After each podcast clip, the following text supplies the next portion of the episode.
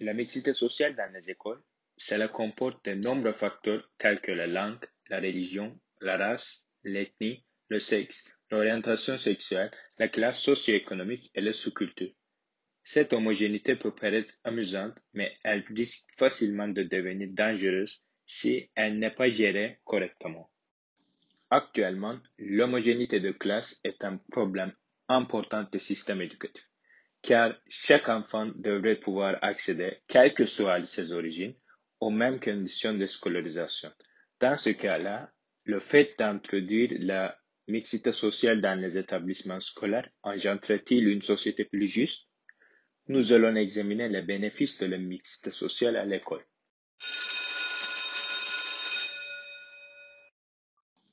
Ça permet de créer une société plus juste. C'est indiscutable parce qu'il est important que les élèves aient des compétences sociales et interpersonnelles efficaces pour leur développement psychosocial. Atteindre cet objectif n'est pas aussi difficile qu'il paraît.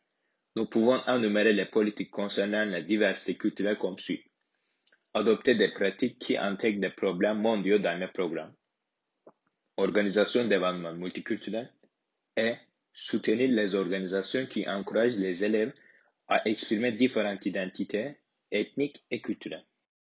Grâce à cela, les enfants peuvent apprendre dès leur plus jeune âge à organiser la vie scolaire, coopérer, travailler en équipe, développer des attitudes et des comportements démocratiques, se préparer à leur rôle d'adulte respecter les autres, partager des, objectifs communs, planifier et mener des projets, faire des recherches, résoudre les problèmes interpersonnels, respecter les règles d'éthique et leur environnement et établir des relations positives.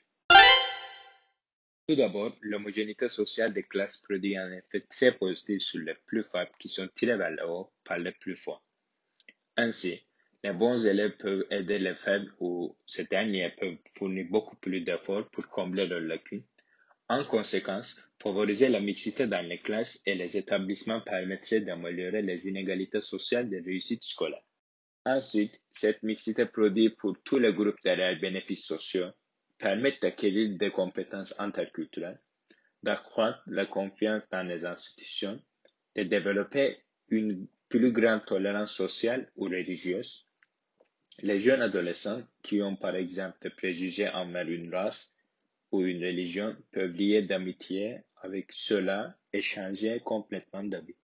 En conclusion, la mixité sociale dans les écoles est indispensable afin de créer une société plus juste en effaçant les préjugés, en gommant la discrimination et en procurant à tous les mêmes chances de scolarisation.